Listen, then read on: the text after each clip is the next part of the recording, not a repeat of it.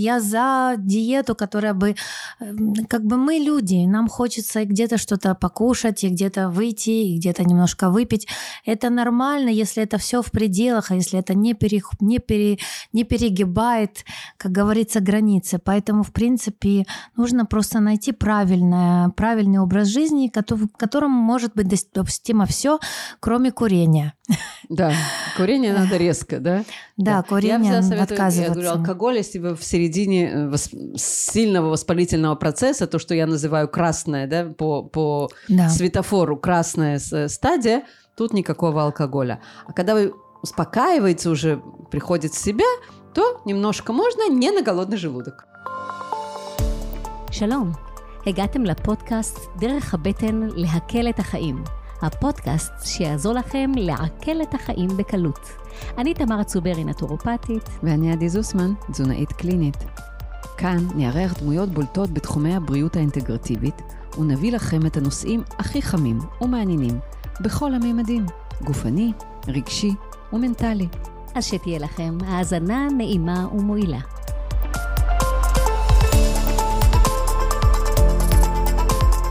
Здравствуйте, приветствуем вас, да, дорогие наши э, слушатели.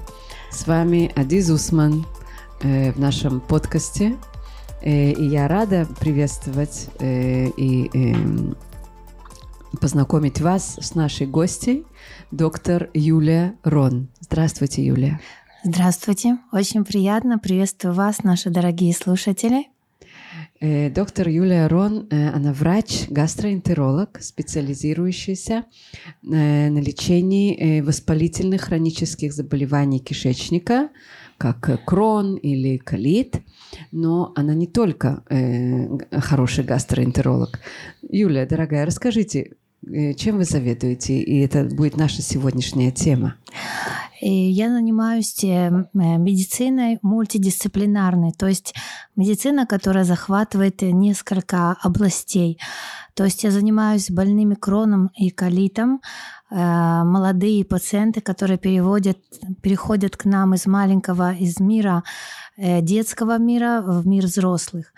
Э, Я занимаюсь, э, м, э, заведую поликлиникой по э, беременным женщинам, которые страдают хроническими воспалительными заболеваниями кишечника, как ронколитом в больнице Ихилов. И также занимаюсь биологическими препаратами, э, э, ответственна за биологические препараты, которые даются у нас в нашем дневном стационаре больницы Ихилов. И, конечно же, В Тель-Авиве. в Тель-Авиве.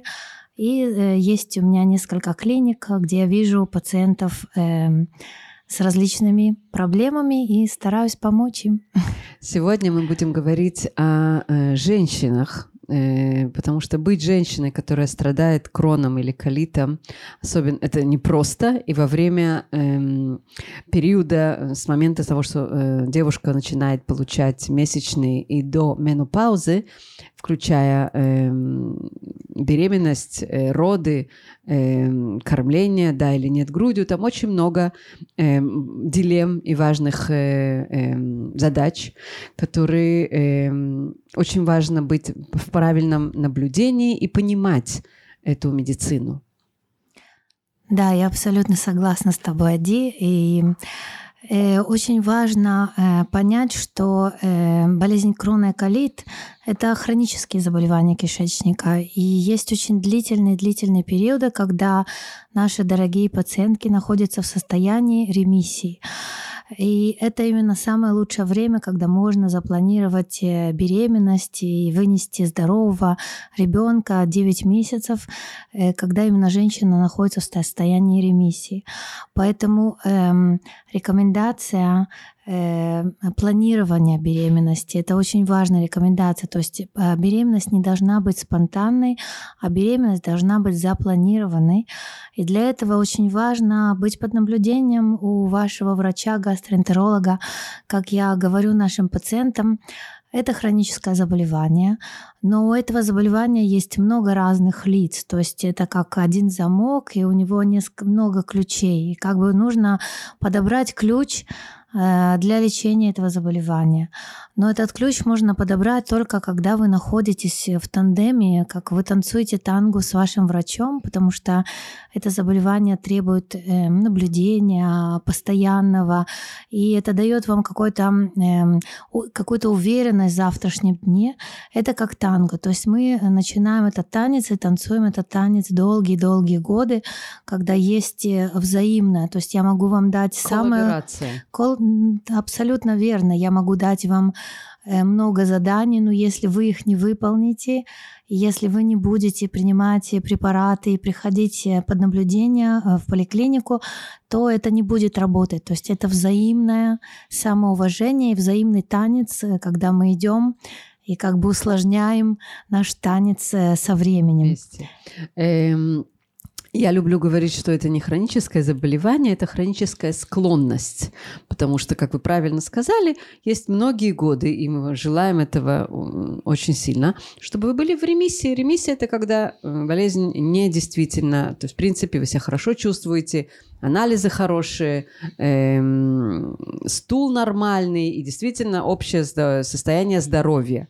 И есть люди, которые так живут годами, э, но если сдвигаемся, э, очень нервничаем, неправильно питаемся, э, неправильно берем препараты, неправильно берем э, противозачаточные средства, то все эти вещи в конце концов на нас могут повлиять, и тогда мы выходим из ремиссии, и действительно болезнь просыпается. Okay? Я согласна с Ади, потому что э, я всегда говорю, что действительно это состояние.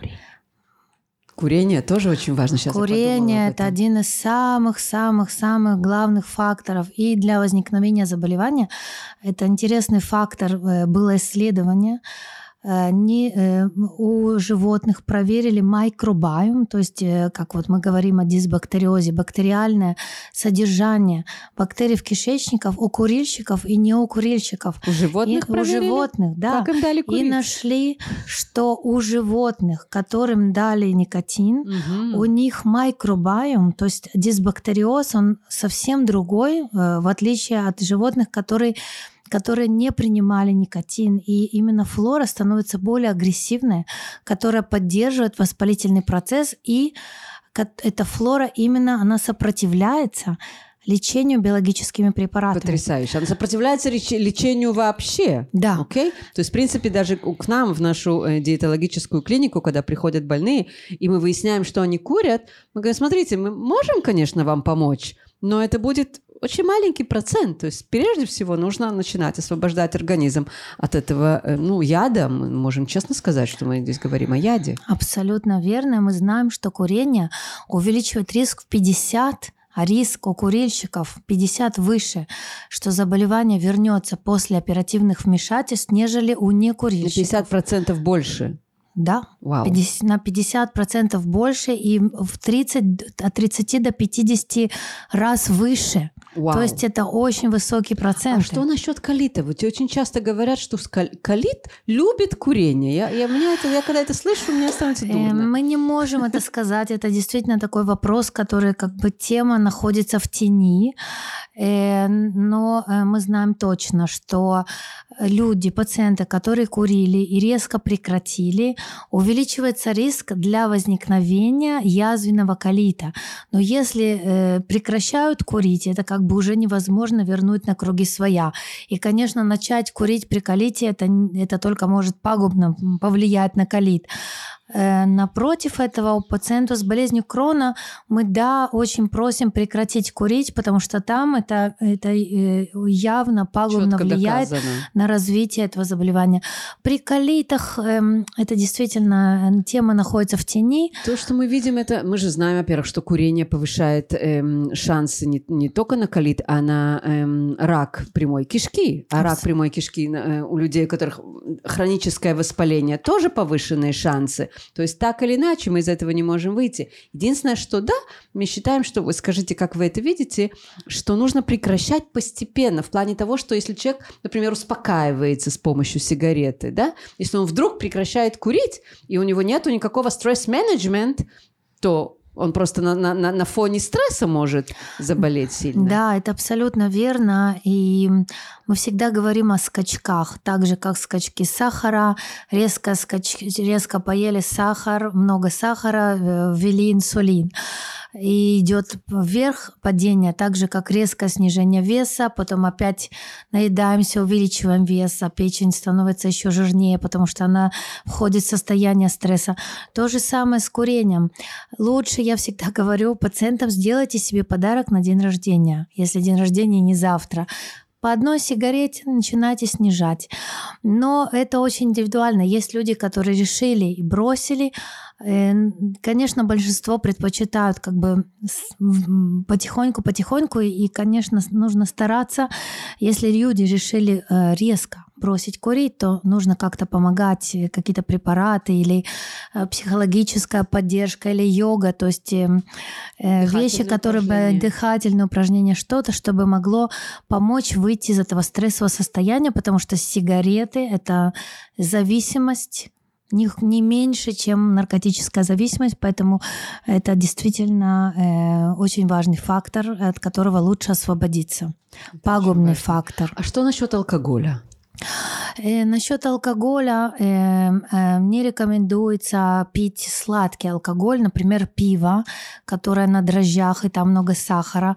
И с, э, глютенин там и тоже. да, да, это вы специалист, да, да, да, конечно. Э, сладкие, например, вина тоже как бы не рекомендуется. Вообще, когда есть воспалительный процесс, то лучше не употреблять алкоголь, потому что это увеличивает сокращаемость кишечника, и естественно, что воспалительный процесс развивается с, с большей силой. Но э, я всегда за, э, я против э, как бы э, резких, э, резких э, отказов. Я за диету, которая бы, э, как бы мы люди, нам хочется где-то что-то покушать, и где-то выйти, и где-то немножко выпить. Это нормально, если это все в пределах пределах, а если это не, пере, не, пере, не перегибает, как говорится, границы. Поэтому, в принципе, нужно просто найти правильное, правильный образ жизни, в котором может быть допустимо все, кроме курения. Да, курение надо резко, да? Да, курение я советую, отказываться. Я говорю, алкоголь, если вы в середине э, сильного воспалительного процесса, то, что я называю красное, да, по, по да. светофору красная стадия, тут никакого алкоголя. А когда вы успокаивается уже, приходит в себя, то немножко можно не на голодный желудок.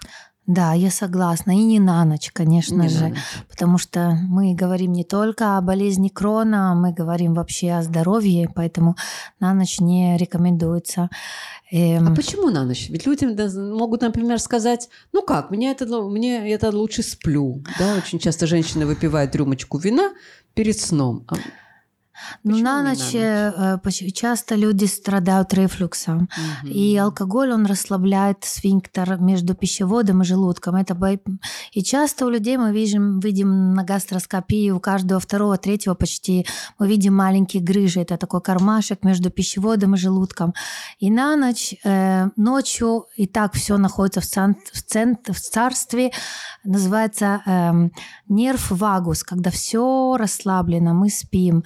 И в это время, э, как бы, если есть какая-то предрасположенность к рефлюксу, то есть как будто бутылка, у которой нету пробки, угу. все, вся кислотность возвращается. И, естественно, э, алкоголь, он также увеличивает кислотность, и люди, люди с повышенным весом, и, как говорится, с какой-то э, предрасположенностью к рефлюксу, то есть это как бы увеличивает рефлюкс, и ночью именно пагубные последствия алкоголя, они влияют именно на пищевод. Но я очень согласна. Это не только на пищевод, это влияет, я считаю, на весь и на, и на желудок, и, да. и так далее. И очень-очень интересно, ведь алкоголь как работает? Он ведь сначала у нас понижает, а потом он возбуждает. Абсолютно. И тогда в середине ночи мы просыпаемся, здравствуйте, глаза открыты. А сон ведь он необходим для хорошего здоровья. Сон он необходим. Особенно я хочу отметить, что в последнее время были проведены исследования насколько важен сон для пациентов с болезнью крона и колита. Минимум 8 часов. Это действительно один из основных базисных факторов для достижения ремиссии – хороший ночной сон. и... Пошлите мне этот Да. И недавно, э, кстати, я, я врач, и я интересуюсь многими областями. Э, также была лекция очень интересная про Альцгеймера.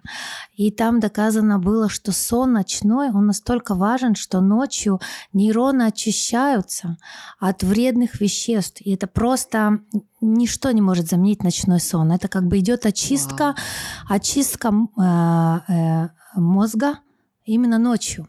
Поэтому ночь, ночной сон, он очень-очень важен э, не только для пациентов гастроэнтерологических а и неврологических, а мы знаем, что тело и душа все соединено, поэтому э, это очень важно. Это необходимо сказать, потому что э, э, сон сегодня он не популярен. Люди остаются, у нас есть электричество, телевизор, они, люди идут спать очень поздно, встают рано, и это настолько неправильно. Да, потому что последствия они приходят уже через десятки лет, и мы жалеем о том, что мы не делали э, в таком возрасте, когда мы заняты, работаем, и мы не обращаем на это а вот именно внимание. женщина, которая, например, планирует беременность, да, молодые женщины, которые к вам приходят с кроном, колитом, хотят забеременеть. Как там все это работает? Что вы видите? В первую очередь очень-очень важно отметить, что, как мы говорили, эм, мы не рекомендуем спонтанную беременность. Здесь нужно хорошо подготовиться. Для этого вам нужно, наши дорогие женщины, слушательницы, находиться под наблюдением у вашего гастроэнтеролога. Ведь мы знаем, что по последним исследованиям доказано, что около 60-70% пациентов не чувствуют воспалительный процесс, пока он не доходит до определенного уровня. Это очень индивидуальное заболевание. Один пациент может поступить в приемный покой, закупорка кишечника, и до этого никаких симптомов не, будут, не будет чувствовать, а другие пациенты одна, одна-две язвочки в кишечнике, у них очень сильные боли. Поэтому очень важно не только чувствовать себя хорошо, но и проделать непосредственные исследования. Мы начинаем с того, Э, что мы э, обращаемся к семейному врачу, чтобы он дал направление к гастроэнтерологу. Или вы находите, лучше всего быть под наблюдением за 3-6 месяцев до запланированной беременности. В первую очередь рекомендация э, – это сделать обычный анализ скала – кальпротектин. Этот анализ э, очень чувствительный на воспалительный процесс в толстом либо в тонком кишечнике. Это белок, который непосредственно выделяется слизистой, э, белыми клетками крови слизистой. Если есть воспалительный процесс, то он увеличивается. Он очень увеличивается. Он очень там увеличивается. Больные, там не 100 до 100 нормальные, да, а 7 тысяч. Да. И Три тысячи. Даже, да. И часто вы чувствуете себя хорошо. И мы видим э, высокие параметры. Мы, мы также можем сказать, что этот параметр, он как бы может э, прогнозировать воспалительный процесс, который уже, как говорится, ураган, который вот-вот э, придет на нашу территорию. Угу. И э, он нам очень помогает предотвратить этот ураган, угу. предотвратить этот воспалительный процесс. Но кроме кальпротектина не все стопроцентно. Конечно, есть люди, есть пациенты, у которых этот э, фактор не увеличивается. Важно сделать анализы крови, важно проверить, что нет анемии, нехватка железа, проверить уровень витаминов, проверить, что э, э, вес женщины, он хороший, и он базисный для того, чтобы женщина могла э, войти, э, запланировать беременность. Если есть недостаток каких-то витаминов, то нужно заранее начать прием этих витаминов. Если фолиевая кислота в норме, то можно за три месяца до запланированной беременности прямо начинать пить пренаталь. Это мультивитамин или называется 9 месяцев для женщины – которая планирует беременность. Но обязательно, если есть нехватка B12, либо железа, либо витамина D, D, обязательно нужно принимать уже эти препараты заранее, а не э, когда пришел, пришла беременность. Вот мы сейчас начнем, э, как говорится, закрывать э, эти дырки. дырки. Очень важно это все запланировать, потому что мы знаем, что ведь болезнь крона и колита – это заболевания, у которых есть аутоиммунные, э, элементы. Э, аутоиммунные элементы. И естественно, что мы не знаем, как это заболевание себя будет вести э, в процессе беременности. Всегда первая беременность это как первый тест. Или даже, э, например, женщины, которые прибегают к различным методам, репродуктивным методам для того, чтобы забеременеть, иногда только во время стимуляции уже происходит э, э, увеличение воспалительного процесса. Поэтому мы никогда не знаем, пока мы не войдем в этот процесс. Поэтому, как говорится, очень важно быть вооружен перед э, войной, а не находить Не различные методы. с войной. Э, но да, война может быть, если Война вы, дорогие быть. женщины, э, забеременеете, не, не проверив, Не э, подготовившись. не подготовившись к А этой что в плане беременности. действительно вот еды, диеты? Я как диетолог, меня это больше, конечно, всего интересует, но мне интересно, как вот вы на это смотрите. Диета, я, э, мы знаем, что в последнее время особенно э, диета это не вспомогательный метод лечения, это основной метод лечения. Диета, она стоит в основе лечения болезни крона и колита. Э, Поэтому э, есть даже пациенты с болезнью крона, легкие, легкое течение болезни крона, которым мы можем предложить только лечение диетой. Без Поэтому лекарств без даже. лекарств. Но Мгм. это, конечно, все должно быть э, Индивидуально. индивидуально, после консультации, грамотной консультации именно специалиста, которым занимается, который занимается хроническими воспалительными заболеваниями кишечника.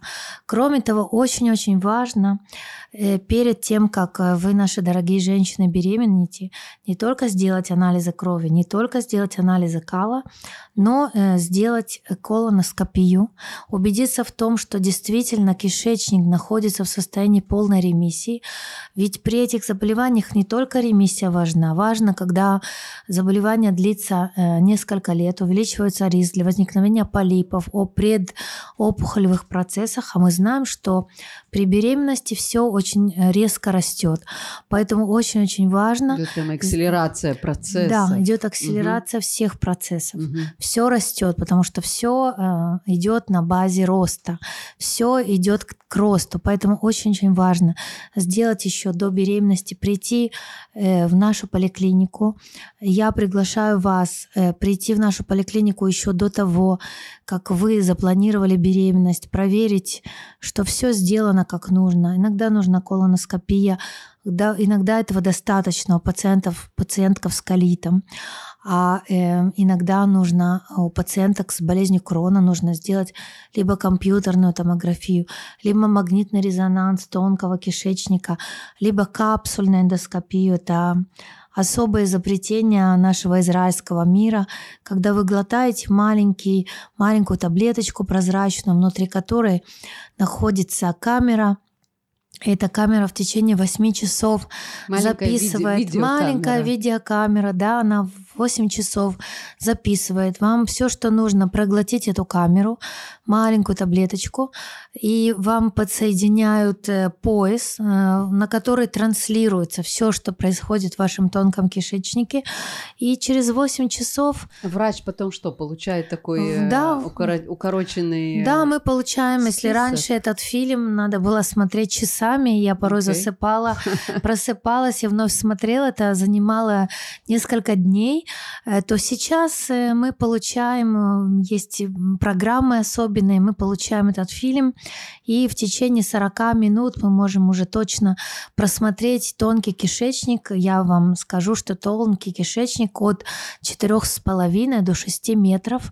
Раньше его невозможно было увидеть только операционным путем, когда нас вызывали гастроэнтерологов э, вводить энтероскопы и Во смотреть время операции. во время операции Открытый, э, открытый, кишечник, открытый кишечник, живот. Открытый живот, то сейчас благодаря капсульной эндоскопии эм, мы можем все увидеть и диагностировать и начать лечение, и э, гораздо меньше оперируем наших пациентов по сравнению с тем, что было раньше.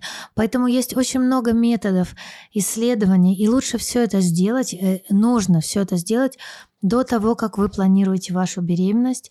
Особенно, еще раз я хочу сказать про колоноскопию, потому что вы рожаете, у вас нет времени, потом еще беременность, еще беременность, и иногда э, э, бывает поздно.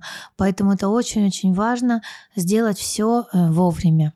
Это важный очень момент. Да. Э, я хочу вас спросить, э, Юля, что насчет э, лекарств? Какие лекарства э, женщины, которые вынуждены использовать, окей, не, не любой кронколит поддается лечению только эм, диетой, хотя у нас в Дерхабетен мы используем еще и травы, и акупунктуру, и психотерапию, но иногда нужно использовать лекарства, ничего не поделаешь. Какие лекарства женщина может принимать, и знать, что это не э, портит ей беременность, не влияет на зародыши. Да, спасибо за этот очень важный вопрос, Ади. Э, это очень-очень важно. Когда женщина приходит э, в мою клинику и в нашу мультидисциплинарную клинику, мы всегда говорим, что женщина, она находится в центре Вселенной, в центре семьи. И женщина, э, она ответственна за эм, правильное и нормальное здоровое, э, здоровое развитие ее ребенка в утробе. Поэтому э, часто женщины прекращают препараты, не посоветовавшись с их врачом, потому что они очень боятся, что, не дай бог, это может повредить как-то беременности и повлиять на будущее их ребенка. Поэтому они как бы говорят, я не важна здесь. Сейчас вот у меня на основном плане находится ребенок. Но ведь я всегда говорю, что это только 9 месяцев, это очень важно важно. Это, это основа всех основ дать жизнь вашему ребенку, но это очень важный период для вашего здоровья, потому что часто вы прекращаете биологические препараты, тело развивает антитела, и тело уже потом отталкивает эти препараты. То есть у нас не так много препаратов, чтобы с ними играть и э, начинать и прекращать. Все это очень важно. Медицина все время движется вперед, поэтому очень-очень важно продолжать лечение. Я хочу сказать, что проведены огромные исследования, десятки тысяч женщин. Есть очень большое исследование, называется «Пиано стади», «Пиано исследование», которое возглавляет Ума Мадеван. Это гастроэнтеролог, которая занимается именно беременными женщинами. И э, это исследование проверило воздействие биологических препаратов на развитие ребенка, начиная с беременности и заканчивая годами после рождения детей. И не нашли какой-то связи между увеличением, э, появлением э, э, каких-то врожденных пороков, не нашли никакую связь между биологическими препаратами развитием, там, например, все время говорят гиперактивные дети или аутизм и так далее. Нет никакой связи между биологическим приемом биологических препаратов и развитием ребенка во время а, беременности и после беременности. Но напротив этого, да, нашли связь между женщинами, которые прекращают лечение, и болезнь обостряется во время беременности. Есть очень пагубное воздействие на беременность. Не только, я не говорю о пороках, я говорю о том, что, во-первых, ранние роды, аборты – Э, выкидыши и э, рождение детей маленьких, маленький вес. Естественно, что это очень сильно увеличивает риск для развития э, детей. Поэтому э, в наши э, 2000 20-е годы мы уже не прекращаем биологический препарат, особенно если говорим о э, активном воспалительном процессе, э, но э, мы говорим о тех препаратах, которые мы не начинаем. Поэтому вот это очень важный подкаст. Я благодарю вас, Ади, что пригласили меня. Очень важно начать правильный препарат у женщин, которые планируют беременность. Есть препарат, который называется метотрексат. Его не рекомендуется начинать, а если вы его принимаете, наши дорогие женщины, то за 3-6 месяцев рекомендуется прекратить, потому что есть явная связь. Метотрексат это типа э, химиотерапии такой. Да, да. Угу. И это э, влияет на развитие на пороге развития э, детей. Кроме того, есть сейчас очень много препаратов э, в нашем мире, в мире болезни крона и колита. Это такие препараты, которые относятся к группе маленьких молекул. Э, очень модный, и многие, это интересно, потому что этот препарат, он дается э, пероральным путем, вы глотаете таблеточку, и они очень хорошо, не быстро... инъекция и Не- не, да, это удобно. не укол. и не укол, и быстро всасывается, есть очень быстрый эффект, но, к сожалению, на данный момент у нас нет достаточно информации, которая бы дала нам э, крас зеленый свет для того, чтобы мы начали использовать этот препарат. Есть некоторые препараты, что даже видели пагубное воздействие э, у животных, у Мгм. де- зародышей животных. Ну, там То были это- этот другие дозировки. не дают беременным да, мы женщинам? не даем Нет. беременным женщинам, и мы не даем женщинам, которые планируют беременность. Мгм. А Кроме- что да? Какие да? Э, что да, э, еще один препарат, который нет, Ага. э, мы стараемся, имуран пуринитоль, э, препараты, которые относятся к группе э, 6 меркаптопурина, мы да, даем, но мы стараемся не начинать их во время беременности, потому Мгм. что найдена связь между анемией ребенка э, э, и возне- воз- э, при приемом этих препаратов. И если женщины принимают, это не страшно. То есть не бойтесь, даже если вы беременны, вы принимаете этот препарат, но мы стараемся уменьшить дозировку, если это возможно. То есть Мгм. это не контраиндикация, но э, стараемся, например, часто женщина применяет имурант, пуринитоль плюс биологический препарат, тот же ремикейт, группы инфлексимаба, адалимумаба. То есть эти препараты можно принимать, интивио, э, э, бидулизума, пустикинумаб. То есть все, все биологические препараты, их можно принимать за исключением э, маленьких молекул, за исключением метатрексата, что это химиотерапия, и муран мы здесь стараемся уменьшать.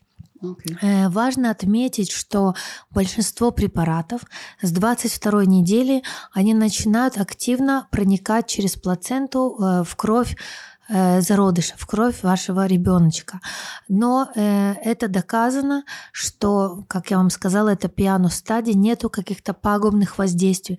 Поэтому мы уже не прекращаем препараты, потому что увеличивается риск для эм, э, ф- релапса, для Э, воспаления воспаления, нового, да. да, нового воспаления. Поэтому эм, э, не рекомендуется прекращать. Но опять же, здесь индивидуальный подход. Поэтому очень-очень важно быть под наблюдением. В поликлинике у нас есть поликлиника, называется мультидисциплинированная, мультидисциплинарная поликлиника, называется поликлиника беременных женщин с кроном и колитом, э, которая относится к группе беременности повышенного риска. Там э, находится гастроэнтеролог, э, я специалист по воспалительным заболеваниям кишечника.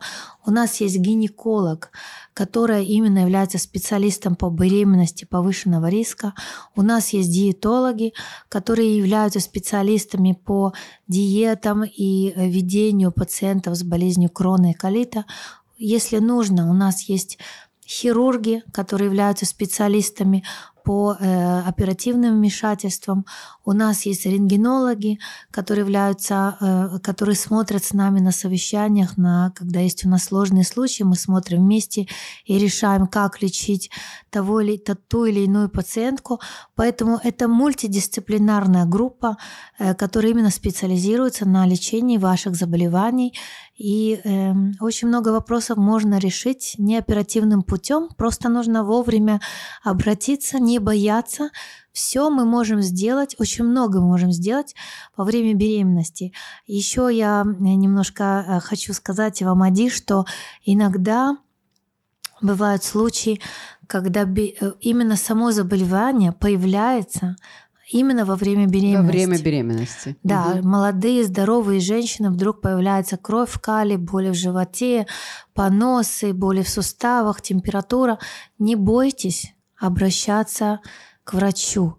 При беременности можно сделать очень много. Можно начать лечение именно при беременности, потому что э, не лечение может привести, в общем-то, к осложнениям не только вы, женщины, э, но и ваши э, дети, поэтому очень-очень важно обращаться к нам, и мы можем все сделать, включая сигмоидоскопию, колоноскопию, иногда простое УЗИ, простой анализ э, УЗИ, который абсолютно безопасен.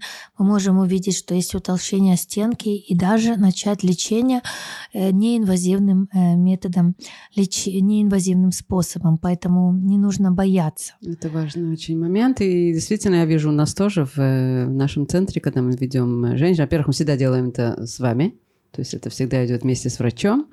Эм, результаты намного лучше и легче. И вообще не надо оставаться одним с болезнями.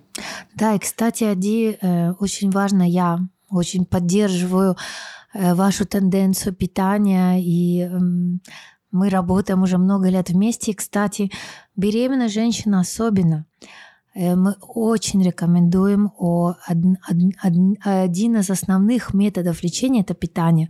У меня есть немало пациенток с болезнью Крона, которые не принимали препараты и были достаточно стабильны. И, например, есть подозрение, что вдруг сейчас, э, как говорится, болезнь поднимает голову и начинается угу. воспалительный процесс, особенно если вовлечение тонкого кишечника, то мы в первую очередь начинаем с питания. И питание часто нам может сэкономить прием стероидных препаратов.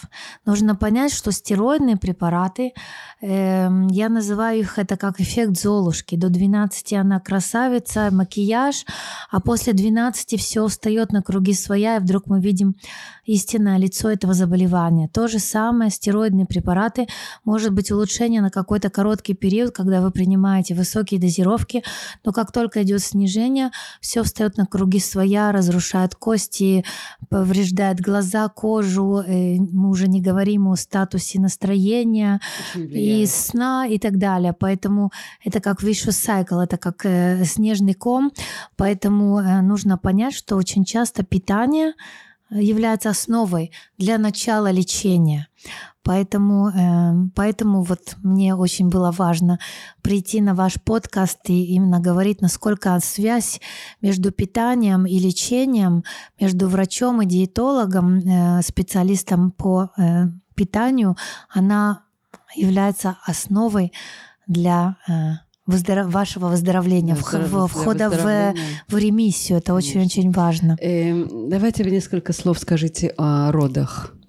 Э, женщина, страдающая кроном или колитом, должна ли она бояться вагинальных родов, или она должна предпочитать только сезарево сечение, или она может рожать нормальные вагинальные роды? Да, это очень важный вопрос. Если раньше э, считалось крона или колит, автомат, э, повышенный риск, идите только на сезарево, сезарево сечение, то сейчас тенденция на полностью изменилась. Мы очень-очень э, э, за роды вагинальные, роды э, нормальным вагинальным способом, как э, у женщин, которые не страдают э, болезнью кроном и болезнью кроном и колитом. Кроме того, э, э, есть два, две группы пациенток, которым мы порекомендуем э, цезарево сечение, это пациентки, у которых есть активное заболевание перианальное, когда есть и абсцессы, женщина, которая прошла оперативное вмешательство угу. в области э, прямой кишки. Фистулярное заболевание. Фистулярное, угу. да, и женщины, которые прошли операцию пауч. Угу. То есть этим женщинам мы, да, порекомендуем оперативное вмешательство заранее запланированное. Все остальные женщины... Элективные роды за элективные, да, элективные роды. Всем остальным женщинам мы очень-очень советуем, потому что особенно болезнь крона, чем больше оперируем, тем больше э, увеличивается риск на, эм, эм, как эм, Сейчас. Перекрытие э, кишечника. Допкует. Э, ну да, э, ну когда перекрывает э, кишечник, когда становится спайк, там... А, у, типа у спайки, пациенток да. с болезнью Крона увеличивается риск на возникновение спаечных процессов. Угу. Поэтому мы стараемся рекомендовать как можно меньше оперативных вмешательств, и, соответственно, это очень важно. И кроме того, кормление. Кормление, оно является очень-очень важным фактором. Грудное кормление. Грудное кормление. Угу э, хотя бы первые месяцы после родов. И даже есть исследования, которые доказали, что грудное кормление защищает вашего ребенка снижает риск для возникновения в будущем болезни крона и колита.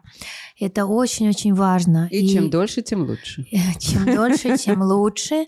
Кроме того, э, в основном все биологические препараты, которые вы принимаете парентеральным путем, либо уколы, либо внутривенно, либо уколами э, подкожные, они находятся в минимальных количествах в молоке матери, поэтому это никак э, не передается вашему это ребенку. Не причина не кормить Это грудью. не причина не кормить, потому что э, нету никакого риска, что это повлияет э, на, на вашего ребенка. Нет ничего лучше настоящего женского молока и грудного кормления и для здоровья ребенка, и для душевного здоровья, кстати, и для ребенка, и для матери. Вы абсолютно правы, и как мы говорим, мы возвращаемся к природе Мы питания, и мы возвращаемся быть родом. И да, мы не можем, э, мы не можем победить природу, и мы знаем, как резко произошел рост этих заболеваний. И все это связано с урбанизацией, с питанием. Поэтому индустриальное, э, индустриальное пита- питание. сильно, да. Если мы говорим о том, что в Индии и в Африке не знали, что такое болезнь крона и колита, сейчас это тоже э, урбанизация прогрессирует. Ну, там кола уже дешевле, чем вода. Это, это можем готовиться. Да. да. И мы видим, насколько э, питание является скачком, главным как бы фактором для развития этих заболеваний. Поэтому чем ближе мы к природе, э, тем, тем здоровее, здоровее мы. Тем более, что мы знаем, что это влияет сегодня на микробиом, то, что мы говорили раньше э, в начале нашей беседы. Например, э, я слышала такое э, лечение, ну не лечение, а такой э, э, протокол, что ребенок, который все-таки рождается сезаревым, то берут э, жидкость э, из материнская... Э, пупочная. Из, э, не пупочная, вагин. А. Из вагины. И просто обмазывают его этой жидкостью, mm-hmm. потому что это, в принципе, его первичная микробиом, это его первичная, не просто микробиом, это его первичная иммунная система. Это правда. И, кстати, не бежать сразу мыть ребенка, который родился, неважно каким образом, он не грязный. Да, ребенок должен проходить вот через родовые пути, это именно верно. И он там идет начинает, перезаселение. Он глотает первые свои э, микробы да, таким образом. Конечно, ребенок это рождается. очень важно. Да. Ребенок рождается стерильным, и благодаря именно родам и потом э, кормлением это идет перезаселение. 20% эм, э, э, сахара, углеводов, которые находятся в э, женском молоке, не кормят ребенка, они кормят бифидобактерия. Это первая бактерия, которая начинает расти в кишечнике у ребенка. Это первые микробы его иммунная система. Это очень-очень важно. Как это все гениально. Я согласна. Юля, дорогая, это было очень интересно. Я надеюсь, что вам, дорогие наши слушатели, это тоже было интересно. Кстати, книга, которую мы вместе написали, это, эм, скоро будет по-русски. Скоро Супер. выйдет по-русски. Да-да-да, она эм, уже э, подписана с большим эм, русскоязычным издательством, так что вам будет очень интересно. Да, это действительно необыкновенная книга. Все, кто ко мне приходят домой и видят эту, кни- эту книгу, все хотят, начинают читать и просто с захлепом ее читают и э, покупают. Поэтому Вау. я очень-очень рекомендую, потому что мы с один, у нас не просто есть с вами такая связь, мы вместе, у нас э, направление... Рефаулистит – это как направление медицины, которая она мультидисциплинарная. Это как жизнь, это связь между телом и э, душой. с душой. Здесь и, как говорится, в здоровом теле здоровый дух. Это очень-очень важно, это является основой основ. Поэтому э, это не бойтесь. Мультидисциплинарное, в принципе, отношение к здоровью. Я согласна. И лекарство – это не единственное решение проблемы. И питание – это тоже не только единственное решение проблемы, когда, как говорится, каждый, каждый пациент, он индивидуален. И не бойтесь приходить на консультацию. А лечение, оно индивидуальное, подход, он индивидуальный.